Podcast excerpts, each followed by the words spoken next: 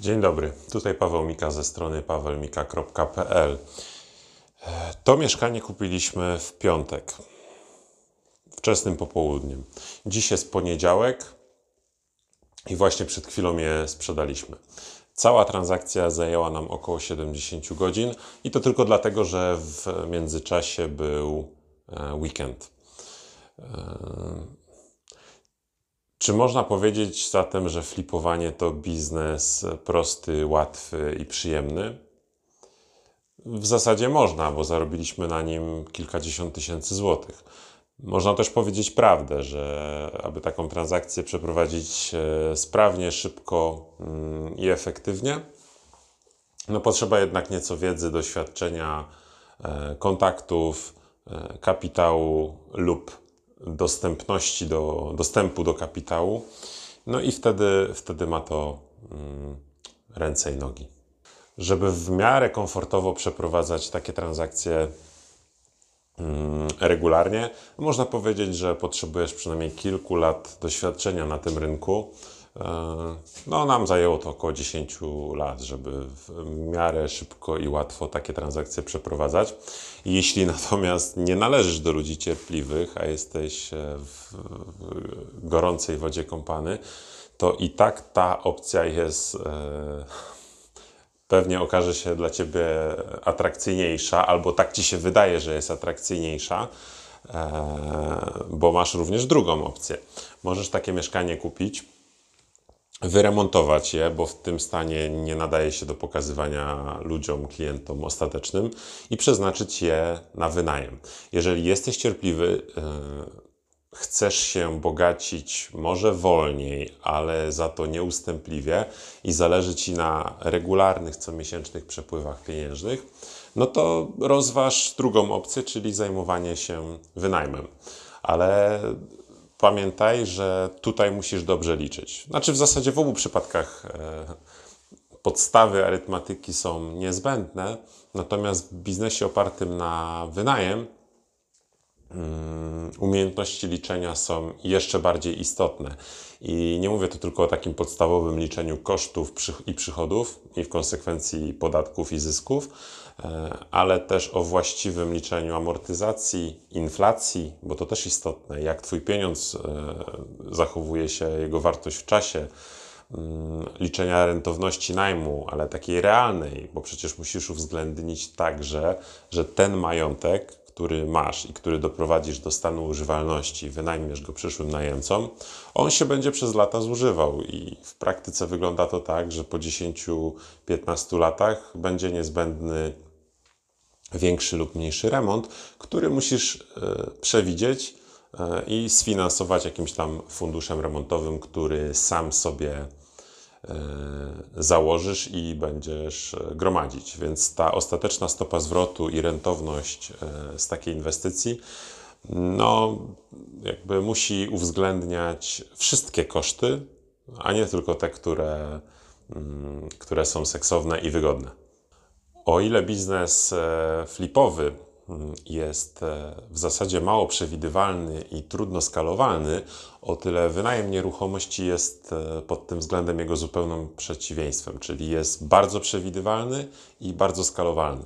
No bo jeśli masz już troszkę doświadczenia na rynku najmu i wiesz, że tego typu dwa pokoje w Twojej miejscowości wynajmują się za X, no to w zasadzie wiesz, czego szukać przedział wartości ceny, którą jesteś w stanie zapłacić, żeby takie mieszkanie pozyskać, jest Ci znany. Mniej więcej wiesz, ile kosztuje remont i doprowadzenie tego do stanu e, takiego, jaki sobie mm, zaplanowałeś.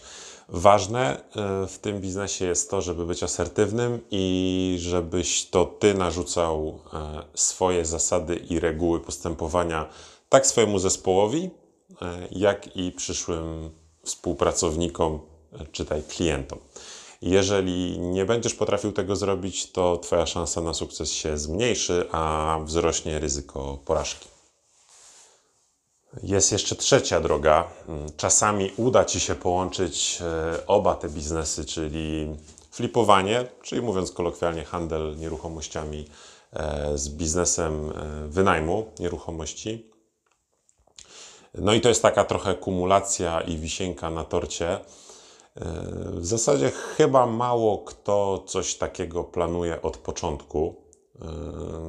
No bo w zasadzie cele i narzędzia do osiągnięcia celów w obu tych biznesach nieco się różnią. Troszkę różni się zarządzanie podatkami, kapitałem, przepływami pieniężnymi.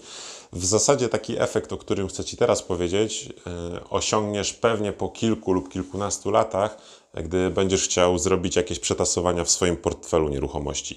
Mi się to trafiło ostatnio. Mm, uznaliśmy, że jedno mieszkanie zupełnie do naszego portfela najmu nie pasuje, a kupiłem je już y, wiele lat temu. E, no i do takiej kalkulacji e, rentowności z najmu od początku, kiedy je kupiłem, wyremontowałem i zacząłem wynajmować, doszedł jeszcze zysk ze zbycia tego, tej nieruchomości.